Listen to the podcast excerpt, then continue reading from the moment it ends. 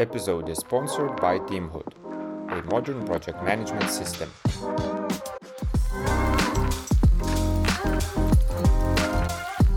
Charles, uh, do I pronounce your name correctly? Uh, it's How- Charles-Louis. Charles Louis. Yeah. Okay.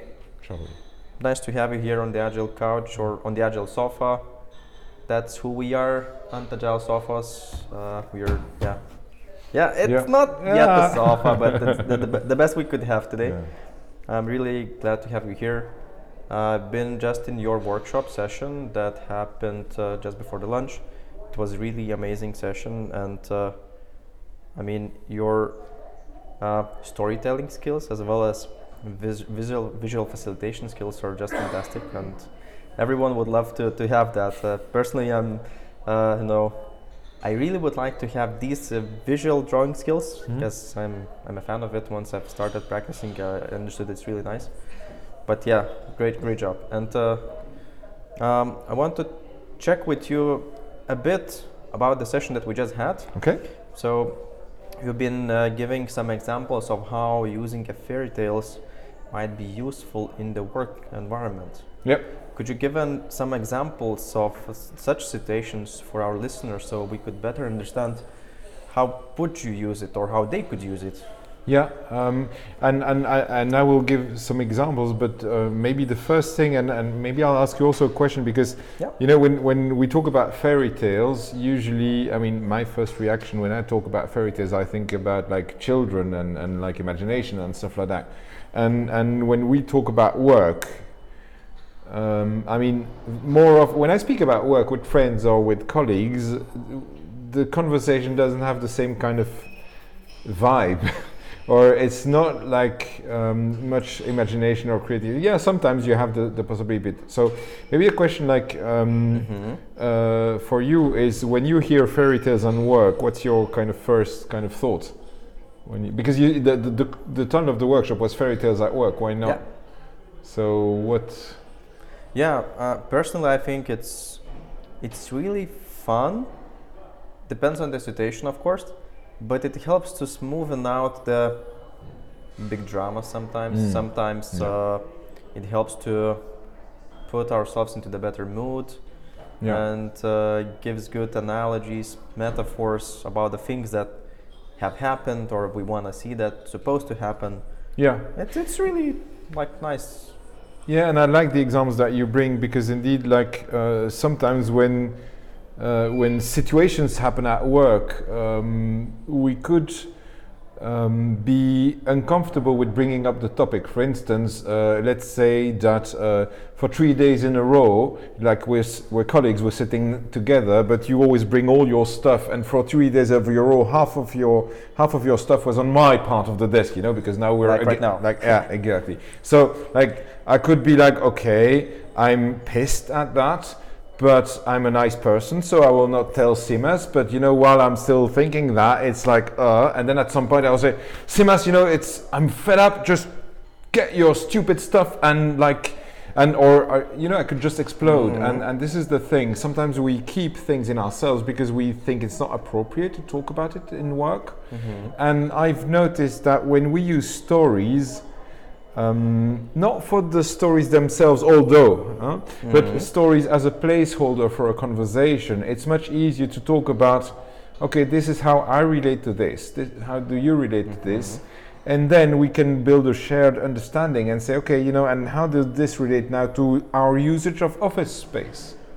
And maybe you could tell me, well, you know, I see the office space as a great playground, and so like in a playground, it's normal that you like leave stuff all the place because it's it's it's thing, and maybe I see it more like a library. Well, great, you know, and then like how can we bridge these stories together? And and using fairy tales is especially when we are not used to talk about difficult stuff is a great starting point Yeah. because you don't need much preparation. I mean, you could just take any book. Uh, like this, this one is from um, Hans Christian Andersen, um, like Danish author, uh, wrote like tons of novels. Um, I mean, mainly folk and fairy tales. But the idea is that, and it might sound weird, but the story is not the point. um, what I mean by that, and we did it in the workshop, is like we start with the story, and then what happened next was the conversation, conversation within the people that heard the story, how they do interpret, how Yeah. they do relate with their current challenges, surroundings, and etc. Yeah. And so this is like telling the story is very easy because like everybody like gets into ah yeah listen to a nice story and gets very comfortable and then okay how do you relate that then it becomes much easier so actually the, the barrier is much easier than to speak okay shall we simas you know sort your desk thing out for yourself because you're grown adults and then we'll be like yeah but you know it's been treated and and yeah. So so so stories is yeah i like this term of placeholder. Like Mhm. you put it there and then people can like color it or can uh, like interpret it any way they want. But they will always do it to con- they will always find links depending on their situation and what they have to, to, to, Yeah. to inside. And as I mentioned, it probably helps to smoothen things out Hmm. if uh, they're it's very edgy, like a topic as you mentioned, uh, Yeah. for example, with the uh, with the table and all the things around to not Yeah. insult you. I we could because i'm a nice person uh, right within the story, i'm not in i'm not so i'm not gonna be say bad things to you Yeah. Um, and, and actually, look, you know, like these stories, even as a facilitator, when you're starting out as a facilitator, you might think, okay, you know, like I, um, I have, um, uh, I have this experience as a facilitator, or I have zero experience as a facilitator. How do I start? Oh, I have all these books on facilitation tips and tricks, but you know what we saw earlier, like we can start with just five steps. Just uh, pick a story, gather a group, and then just tell the story, and then let the let the people debrief together. hmm Yeah. So the, that's our, the technique that you would be suggesting to use. Pick a story, Yeah. uh, tell the story, gather the group uh, to debrief, and share the learnings afterwards. yeah, yeah, exactly. Uh, look, uh, I would like to hear as well a bit of uh, your perspective on visual facilitation as Hmm. your so-called professional or god. yeah, I'm just joking uh, of a visual facilitation. Uh, I would like to understand uh, how that might be helpful and useful, you know, for everyone around.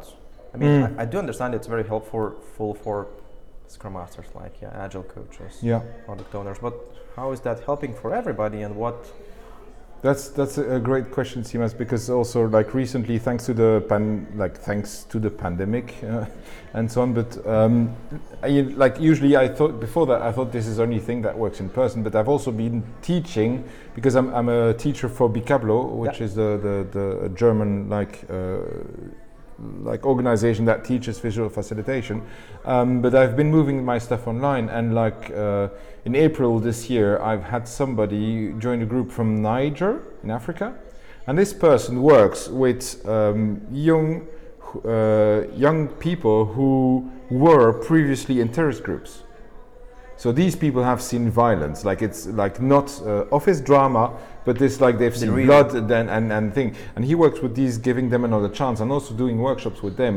And he says using the visuals really helps again also like we said for the story it, it helps like smoothing down the conversations.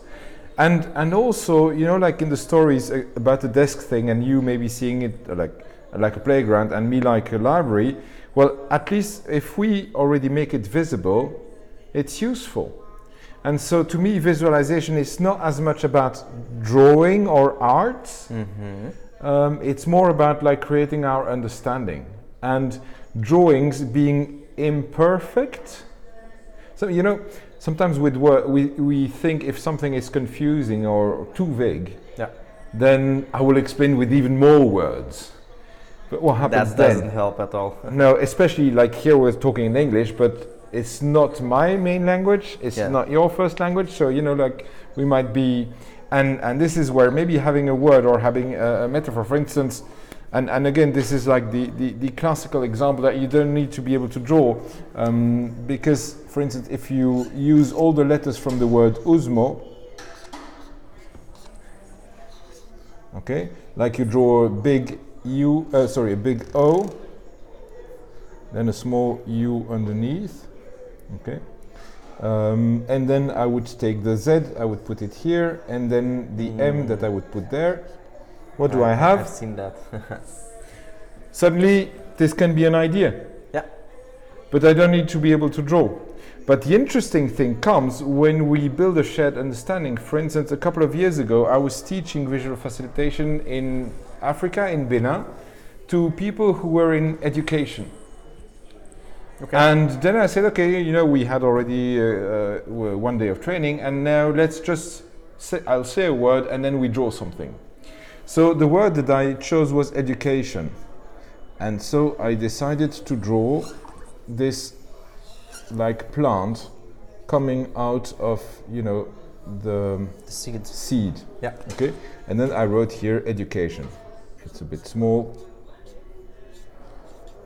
And then when I showed the the drawing like to everyone, they said, "We don't get your drawing, shall we?" Sorry, we don't get it. And I was like, "Okay, but these are people who work in education, so." Um, but then I added more words actually. So like I was you know, I see education as like nurturing the soil so that learning can happen and that like children can like grow out of that, which is like my view on education. No, sorry, we don't get it. So like adding more words didn't help. So what I did then, I, I asked them, hey, can you show me your drawings? But what they had drawn were schools, teachers, you know, and, and stands where teachers stand in order to teach children. And so I suddenly I understood that even though we were using the same word, it's lucky that in French education is also education, so mm-hmm. but we're using the same word, but we talked about different concepts. And that afterwards, like we had a great conversation of actually they say they see education as the teacher having all the knowledge and their role is really to transmit the knowledge to the other children. Yeah. It's a totally different view of education than mine. But then the conversation that happened afterwards, like, as like, hey, do you see when we have uh, organizationals who come like to Africa for education and they give money for education, like in Europe, they say, oh yes, we'll do a program in Benin and we'll give you money for education. And in Benin they'll say, great, happy. But then the implementation starts. Yeah. And then the people from Belgium say, we gave you money, we want like you to focus on this. Like without using this, but using the word. Uh, yeah, you know, you, you need to like teach your teachers and find other ways to facilitate learning. And they're like, we need more buildings. And so a misunderstanding starts. And, and so we had a great conversation of how these drawings actually help to clear out, to show. How do we understand different things as what I see doesn't mean that you see the same. And Yeah. once we explain with the words as that, it even might add more confusion rather than that. Yeah, exactly. Yeah, I totally agree. Uh, although I would add one more thing actually for to, to the visual uh, facilitation, what you didn't mention, but I'm sure that uh, you're mentioning that in, in, in your classes that you're running, uh, that definitely drawing visually the information that someone is conveying gives a much better uh, understanding in your brains to Yeah. sit and to, to maintain the memory of Yeah. what was discussed. Yeah. So now I just gave, gave a few examples of the education word, but I'm sure that I'll remember this picture for I don't know how long, uh, even though I, even if if I don't need that, but I'll clearly map it that there is a seed, there is a plant growing, and it's Mm. about education. Yeah. So we just discussed Uh, and you drawn it. Yeah, and, and thank you for mentioning that, Simas, because this is actually um, something which is called dual coding theory.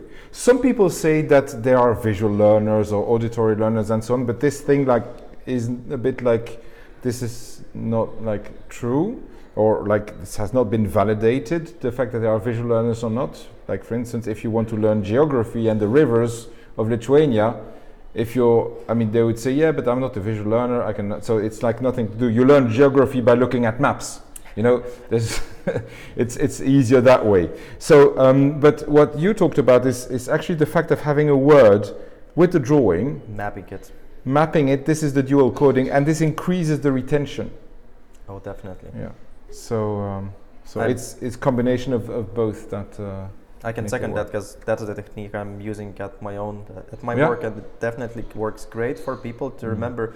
We talked, for example, about the technical depth, and there is a very simple drawing you can draw. There's a car with Yeah. square wheels, yeah and you show that the square wheels is, is a technical depth, yeah and everyone will now remember that car with the square wheels is a technical depth, and it will sit in their mind not only by the drawing, but that that's the problem, the challenge we have discussed, and we have it. Yeah. We want to overcome it. How to make the round whe- Yeah. uh, wheels instead. Yeah, exactly. And this kind of also brings us back to like actually with this car with the square, square wheels, we could also tell you know what's the impact of that. Yeah. And then we could start telling stories and so on. And and so to me, all these devices are very useful when working with groups, when facilitating. And it's not like you only need to do visual facilitation all the time, or you only need to do storytelling. I think as a facilitator, you really need like different skills in order to adapt live uh, to your audience. Um, So visual facilitation is being able to use the, the skills that you learn or that, that you grow yeah.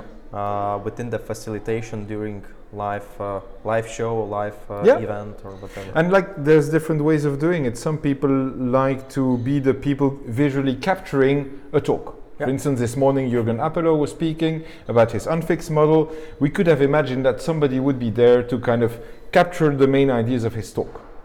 Others, uh, like me, I usually main use it as a device for my workshops. You know, like I have like welcome poster, instruction posters for some activities, and it kind of gives a, a, a, an, an idea for where to go. Um, but other people like, you know, but depending on how you use it, again, it's not the tool that's important. And it might sound a bit strange because I t- talk about storytelling, I talk about these visuals, but it's really ab- what's most important is that the group goes where we need, or where, sorry, that the group goes where it needs It's to, be go. Yeah, or to go. Yeah, exactly. that is the, the key thing. The other example I've seen visual skills used for sketchnoting, like Yeah. uh, as you mentioned while Jurgen was talking, someone would be drawing what he was talking. It might be a very nice meeting summary, Yeah, and if even everybody would see it at the same time while someone would be talking, speaking, it would be much more aligned yeah. what we are talking about. Yeah. So that's as well another powerful technique, probably Yeah. that could be uh, used at work. Yeah, exactly. And um, maybe also, I mean, I, I, um, I'll, I'll come back because actually, you know, just yesterday and the day before, I was running uh, the first ever Bikablo visual facilitation training in Lithuania. It's, it's really great. Um, and uh, we're thinking uh, to organize the next session. There's no date yet, uh, but uh, I will come. I mean, I will come. I will also run a workshop uh, together with Agile Coach Lithuania Yeah. um, on December the 8th. It will either be online or in person, we don't know yet. But this will be really about like the facilitation skills, about how do you, you like, if you have, as a facilitator, usually if you run a workshop, it's not just to entertain people.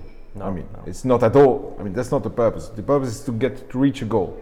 But it's how can we flexibly adapt the facilitation on the fly so that we still work on our goal. So this will be on, on December the 8th Okay. um, either here in the lovely city of Vilnius or um, from the comfort of maybe the sofa or, uh, or yeah.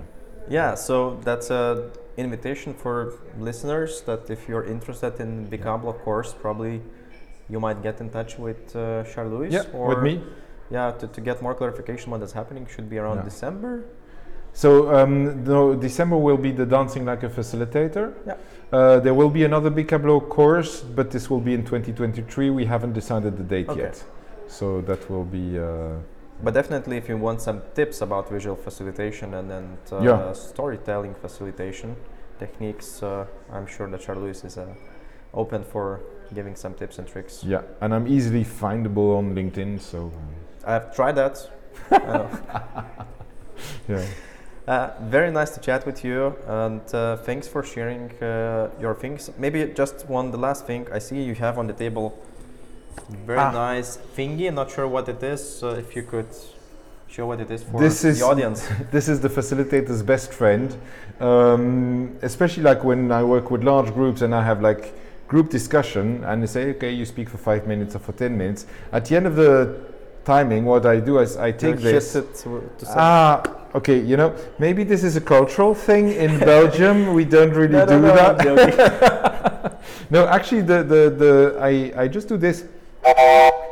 And I, I just love the sound. I, I got this from Sivasailam Thiagarajan, so Thiagi, who's uh, one of my mentors on the like flexible facilitation and playful facilitation. And I just love the sound so much. So when I do this, people are not angry at me for stopping their conversation. They just laugh or whatever, and so it keeps the atmosphere playful. Very nice, fantastic. Yeah. So to learn more about such tricks and, and more, you can get in touch with Charles Louis Yep, or meet at uh, December workshop yep, or even later for Bikablo course, drawing, sketching, Yeah, and using exactly. all the art things. Thank you so much, Simas, for the very much. invitation. Nice chat. Happy to chat with you as always, and see you next time. Yeah, see you next time. Bye. Bye.